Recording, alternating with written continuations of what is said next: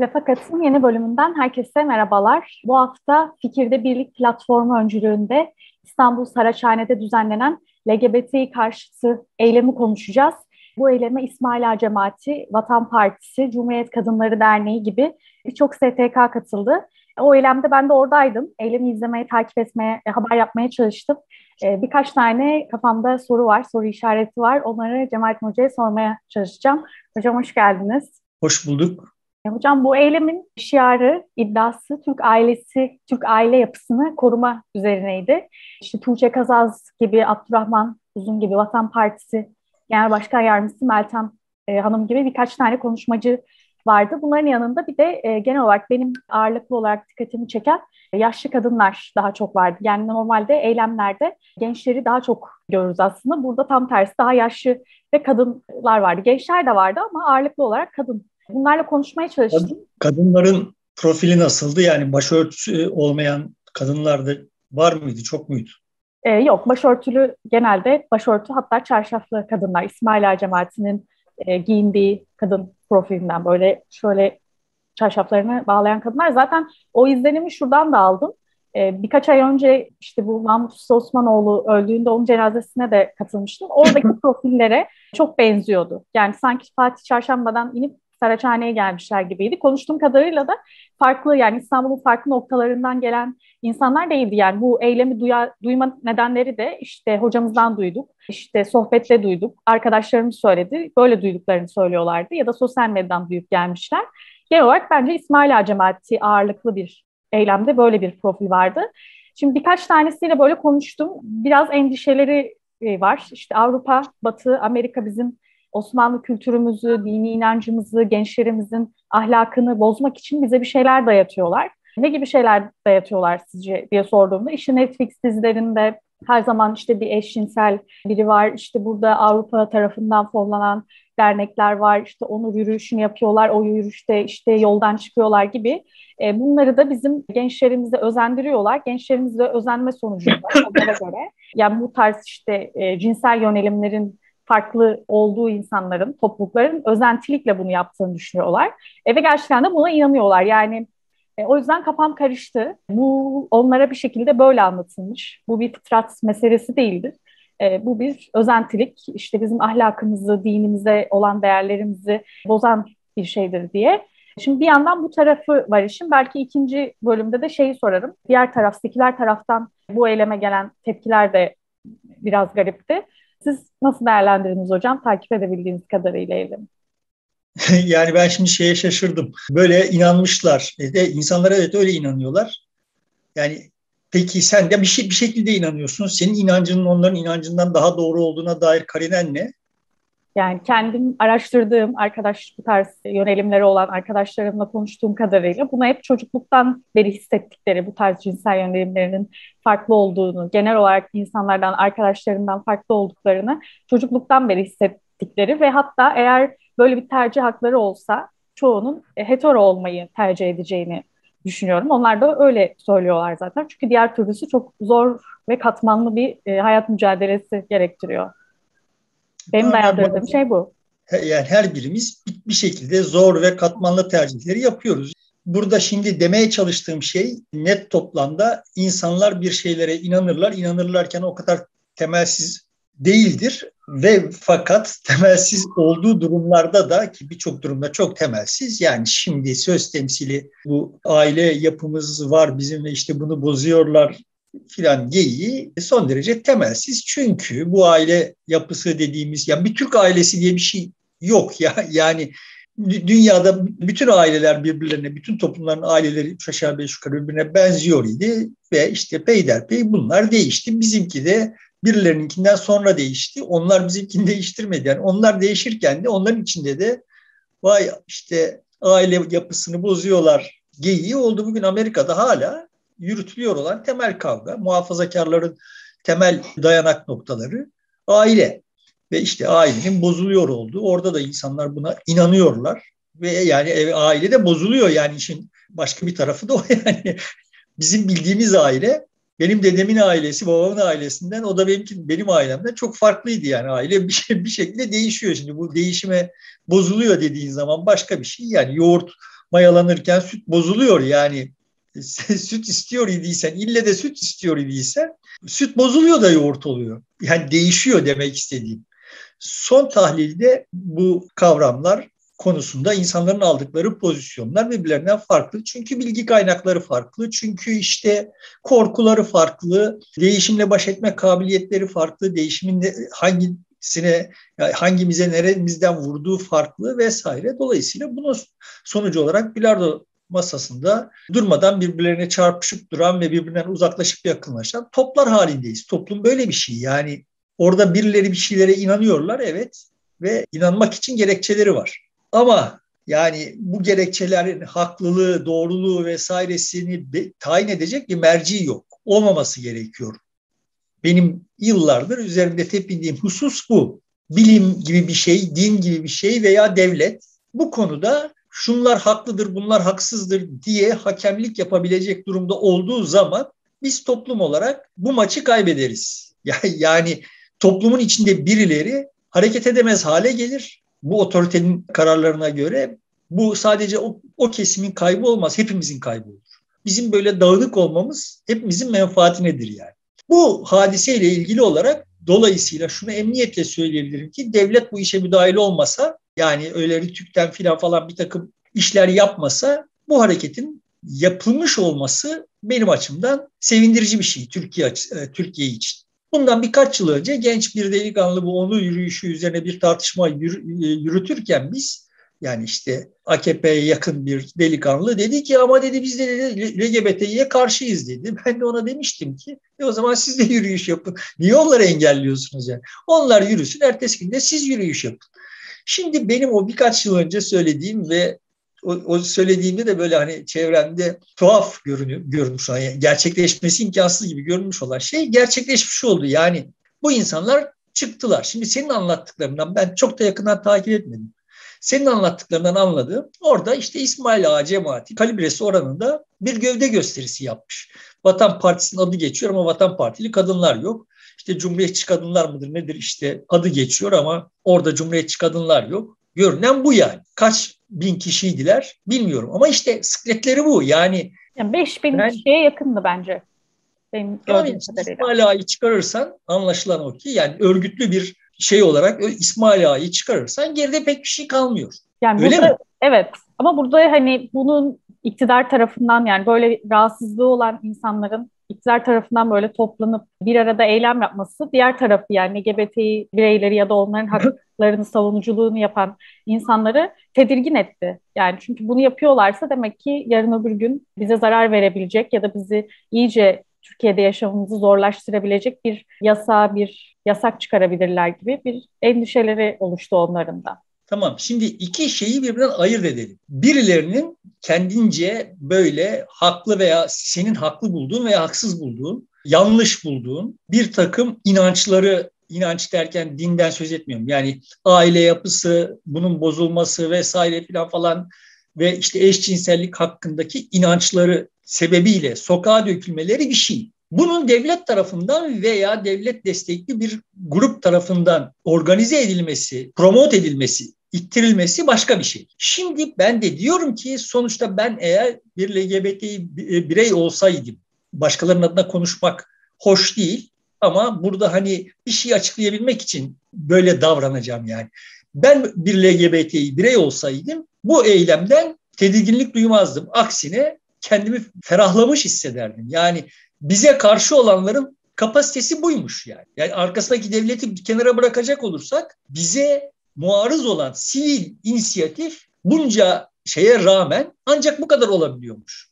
yani cemaati zorla sahaya sürdüğü, sokağa sürdüklerini çıkartırsak koskoca İstanbul'dan böyle bir şeye ya evet ben de bunu, burada kendi sözümü söylemek istiyorum deyip koşup gelecek olan bu kadar da insan yokmuş. Ya, yani kendimi bu kadar da yalnız ve bu kadar da kötü hissetmemem gerekiyormuş diye hissederdim. Ortada çok ciddi bir yankı uyandıran şeyle mukayese edelim. Yani onur yürüyüşüyle mukayese edelim. Onur yürüyüşünün hacmi, heyecanı vesaire ile mukayese edildiğinde Süper Lig derbi mücadelesi ile üçüncülük maçı arasındaki fark kadar ciddi fark görünüyor yani. Öyle değil mi?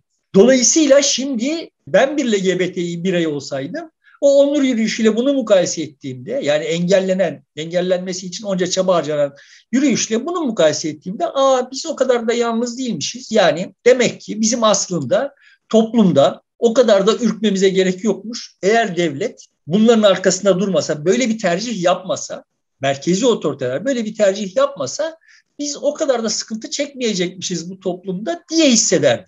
Sadece bu gösteriyi referans alacak olursam kendi bireysel yaşadıklarım hariç yani. Dolayısıyla böyle bakıldığında benim açımdan bu gösteri LGBTİ bireyler açısından ferahlatıcı bir şey olması gerekir ve sivil bir inisiyatif olarak kalsaydı, sivil bir inisiyatif olarak bile bu hacme ulaşmış olsaydı, yani arkasında devlet olmadan bile, bu Türkiye hakkında bize çok şık bir şeyler söylüyor olurdu ve öte yandan buna katılmış olanlar da evet üstlerine düşeni yapmış olmanın ferahlığıyla evlerine gittikleri için de onların öfkeleri, nefretleri nelerse bunlar da kontrol edilebilir düzeye, onların kendileri tarafından kontrol edilebilir düzeye inmiş olurdu. Dolayısıyla çok kestirmeden söyleyebilirim ki yapılmış olması iyidir. Keşke devlet bu işlere bulaşmasa. Bizim toplumla değil de devletle uğraşmamız gerektiğinin en önemli ışık göstergelerinden birisi olduğunu düşünüyorum. Yani oradayken benim kafamı hep şu karıştırdı. Şimdi hem böyle biraz objektif kalmaya çalışıyorum gazeteci olarak ama aynı zamanda şeyden de endişe ediyorum. Yani şunu düşünüyorum. Hani buradaki bu konuştuğum teyzeler, amcalar, gençler gerçekten LGBTİ bireyleri öldürüp kesip ya da işte onların idam edilmesine okey olacak insanlar mı? Bunu hep düşündüm. Öyle değil gibi geldi ama diğer taraftan da mesela bir yandan da sosyal medyada o an işte dönen tartışmaları okuyordum. Yani çoğunlukla takip ettiğim insanlar bu LGBT konusunun savunucusu oldukları için onlar da işte bunlar bize bir ellerine fırsat geçseler bizi öldürecekler, kesecekler. Bu kadar insan işte bunlar hepsi şeriatçı. Zaten İslam'da da işte böyle bir şeyin sonucu öldürülmektir. Böyle bir yönelimimiz varsa gibi. Ama ben oradayken mesela o amcalarla konuşurken onu hissetmedim. Yani sanki hiçbiri öyle bir şey yapabilecek gibi değil gibi geldi bana. O yüzden benim kafamı çok karıştırdı. Oradaki duygularım çok karışık noktalara gitti. Yani şimdi bu topraklar uzunca bir süre işte güya İslami bir rejimle yönetildi. Kaç tane LGBTİ birey cinsel yönelimi nedeniyle öldürülmüş. Buna karşılık kaç kişi siyasi işte problemin nedeniyle öldürülmüş, kaç kişi vergi vermeye isyan ettiği için öldürülmüş bunların çetelesini tutalım. Yani devlet sonuçta kendisine vergi vermeyen veya baş kaldırma potansiyeli taşıyan veya işte siyasi bir rakip olma potansiyeli taşıyan kim varsa hunharca imha etmiş ama sarayda eşcinseller yaşamış. Yani bunları böyle ha bak bu iş buraya varırlara falan filan getirdiğin zaman varır.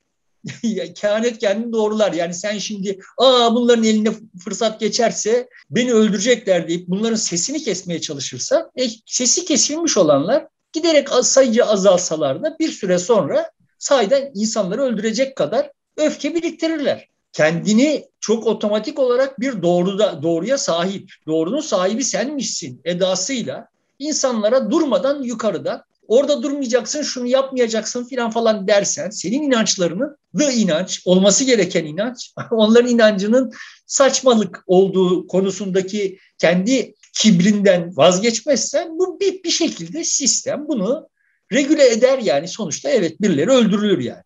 Şimdi yaşıyor olduğumuz şeyler yıllarca bu efsaneden üretilmiş olmasından.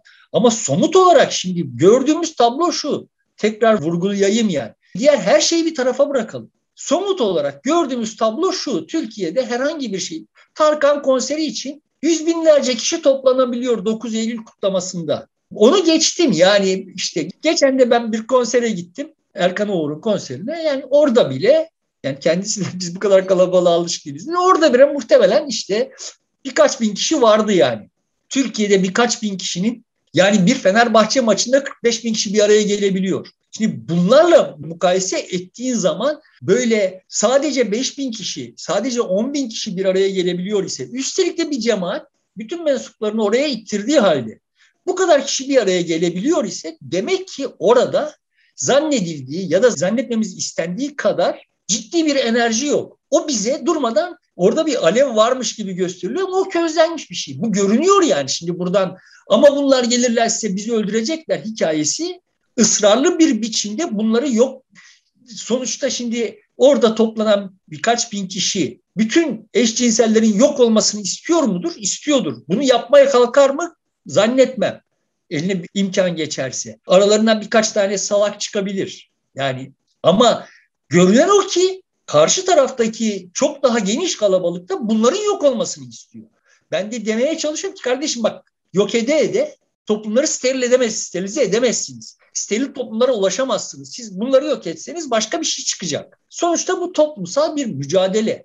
Ve şimdiki işte pazar günkü maç konusu buydu. Aile maile falan filan yani. Şimdi son toplamda görmemiz gerekiyor olan şey orada böyle kendisinden korkulacak, kendisi şeytanlaştırılacak kadar ciddi bir tehdit yok. E bırakın insanlar konuşsunlar. Konuştukları zaman tehdit olma potansiyelleri de daha da azalır. Yani sizin beğenmemenizi yani senin şahsını kastetmiyorum. Sosyal medyada işte bağırıp çağıranların sizin beğenmemenizi anlayabiliyorum yani.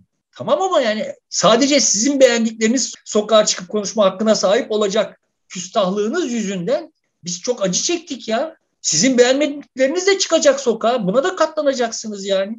Kırıp dökmüşler mi? Yapmamışlar. Deselerdi ki işte öldürürüz ederiz falan falan. O bile öldürene kadar benim açımdan bir, bir suç değildir yani. Öldürmeye kalkana kadar. Şimdi nefret lafı edilip duruyor. Sen hani o tarafa geçmek istiyorsun. Ben sana yol vermeden kendi yolumu açıp geçeyim. Şimdi orada bir nefret söylemi vardı. İşte bu nefret söylemi kardeşim tamam da bu nefret söylemi var edasıyla konuştuğunuz her şey nefret söylemi ya. Oturuyorsunuz bunlardan ne kadar nefret ettiğinizi yazıp çiziyorsunuz. Ya ben utanç duydum ya sosyal medyada okuduk ben eylemi görmedim. Hakkında herhangi bir şey de bilmiyorum. Senin paylaştıklarının dışında yani işte orada iyi kötü biz aslında bu bireylere karşı değiliz. Bu bizim işimiz Allah'ın emrini tebliğdir vesaire filan falan gibi laflar edip e, şey davranmak, terbiyeli davranmak zorunda hissetmişler kendilerini. Bu bile bir şey yani. Bu bile bir gösterge. Ne olmuşsa bunlar bundan 30 yıl önce çok daha şirret bir dil kullanmak durumundayken şimdi dillerini ısırarak konuşuyorlar. Toplum değişiyor demek ki yani. Ya bu toplumsal değişim de böyle akşamdan sabaha mektebe sokacaksın. Bu kapıdan sokacaksın. Bu kapıdan böyle hepsi, herkes tertemiz çıkacak. Böyle bir dünya yok yani. Toplumsal değişim dediğimiz ağır ağır olan bir şey. Şimdi içinde yaşadığımız çağ kadının 10 bin yıllık, 20 bin yıllık statüsünün 40 yılda değiştiği bir çağ.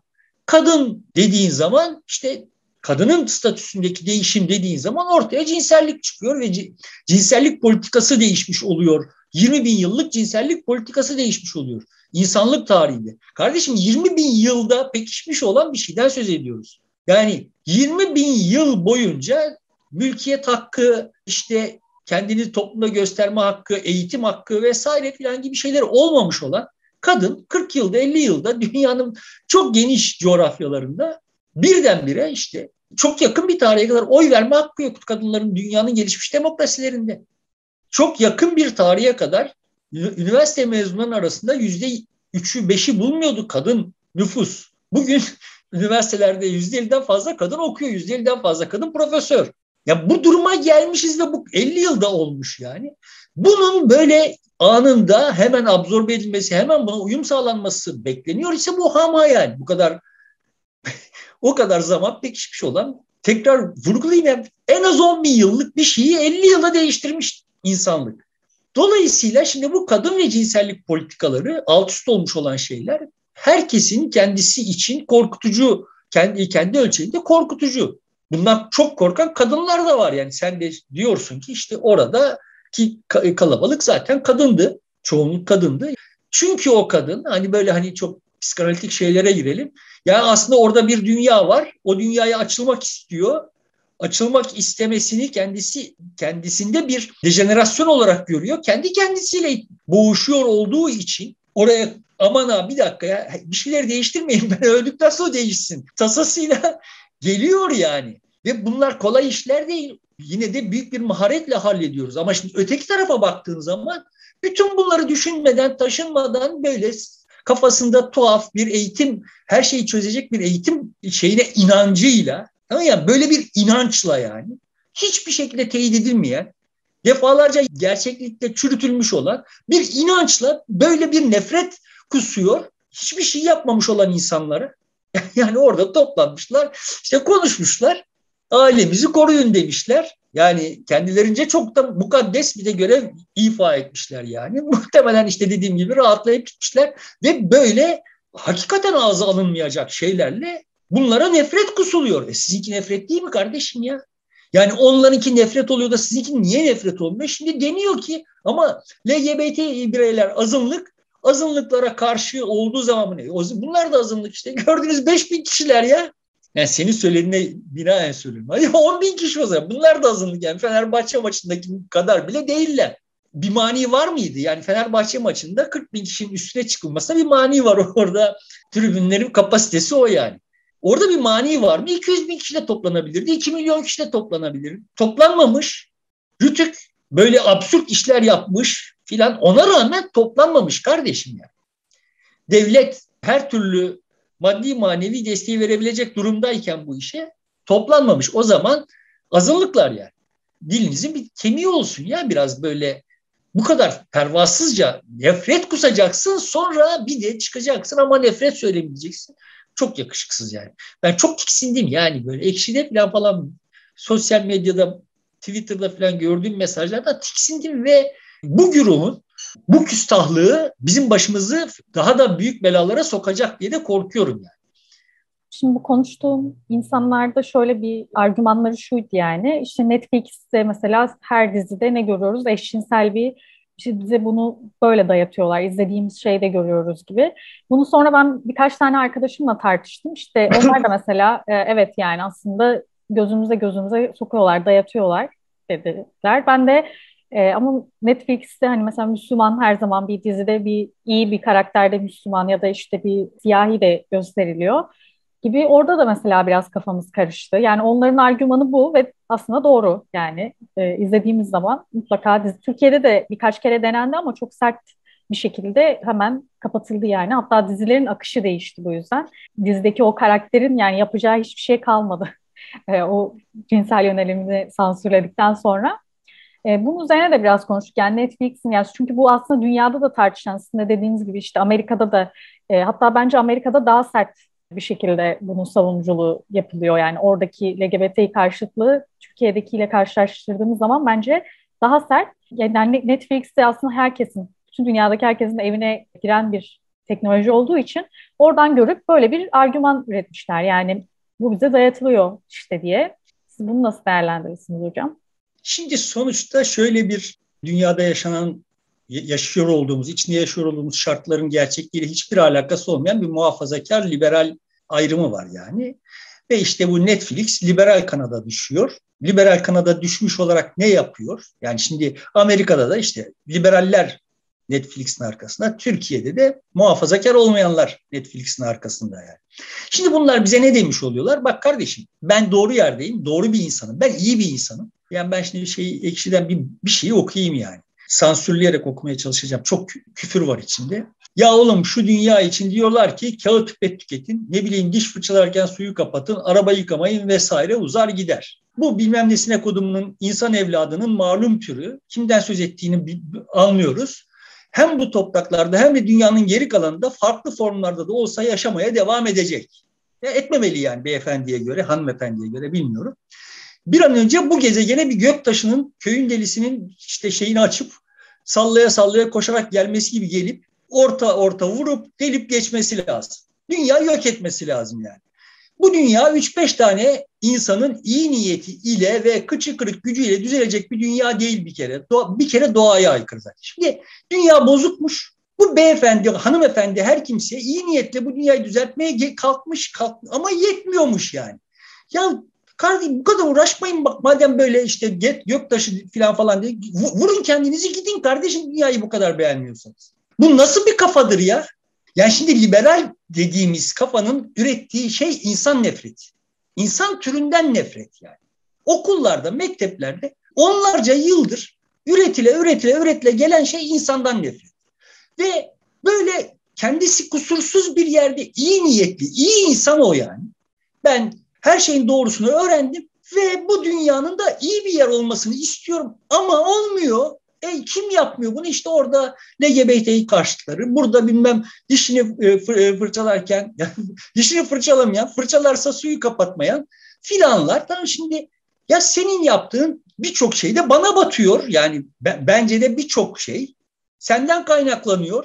Ve ben buradan yola çıkıp da Aa, dünya bozuk gibi bir sonuç yok. Dünya bu kardeşim. Ve geçmişe kıyasla birçok şeyi başarmış bir türüz biz yani.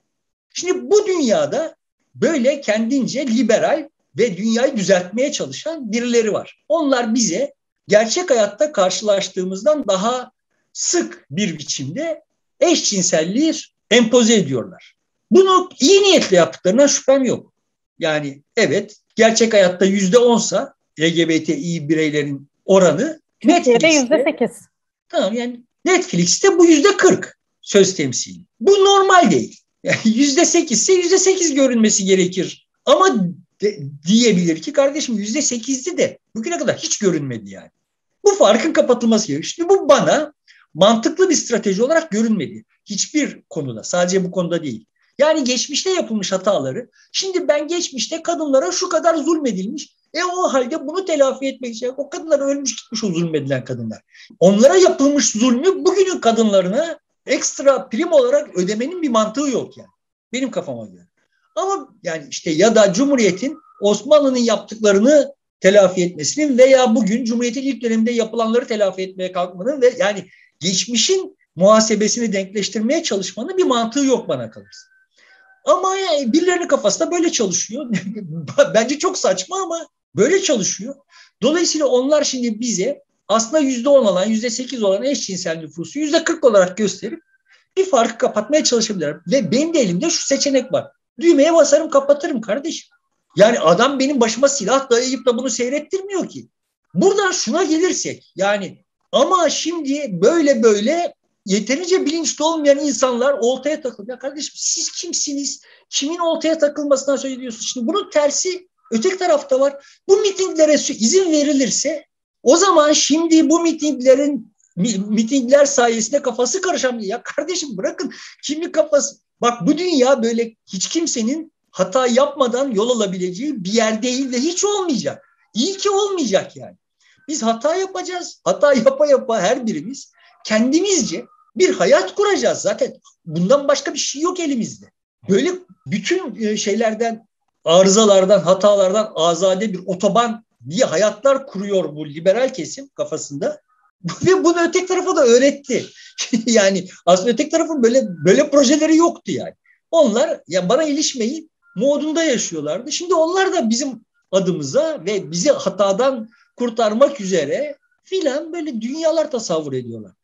Dolayısıyla şimdi hani sorun neydi? Biz Netflix'te böyle şeyler yapılır. Yani ve sen de kapatırsın. E ama birileri kapatmaz, kapatmazsa kapatmaz. Yani dünyanın polisi misin kardeşim sen ya? Sana ne? Benim hata yapma özgürlüğümü elimden alma yetkisini kime, sana kim verdi ya? Anlatabildim mi derdimi bilmiyorum. Evet. Çok teşekkür ederim hocam. Var mı eklemek istediğiniz? Yani ben bu dünyanın şu andaki temel sıkıntısının bu sosyal medyada durmadan kendilerine sövülen ve işte vay bunlar nefret söylemi işte kadına şöyle davranıyorlar, eşcinsellere böyle davranıyorlar, sokak hayvanlarına şöyle davranıyorlar diye aşağılanan kesimden kaynaklandığını düşünmüyorum. Asıl bu bu şekilde kendi nefret söylemlerini başkaları nefret söylemi yapıyor diyerek nefret söyleminde bulunanların küstahlığından başımız derde girdi ve bunlar öğrenmiyorlar. Buradan bir kaygım var ama yani umarım benim görmediğim bir yerlerde bir öğrenme mayalanıyordur. Görmüyorum yani. Baktığım zaman görmüyorum yani. Hala aynı 40 yıl önceki ezberlerini, bizim başımızı belaya sokmuş olan ezberlerini tekrarlayıp duruyorlar. Kendilerinin pozisyonlarından zerre kadar şüpheleri yok. Hiç kimseyle göz hizasına gelmeye razı değiller. Bunların başımızı fena halde bu derde sokacak olduğuna korkuyorum. Yapacak bir şeyim de yok yani. Umarım öyle olmaz hocam. Yayınlarımızı izleyip belki birileri bir şeyleri fark eder diyelim. Teşekkür ederiz bizi izlediğiniz için. Başka bir bölümde görüşmek üzere.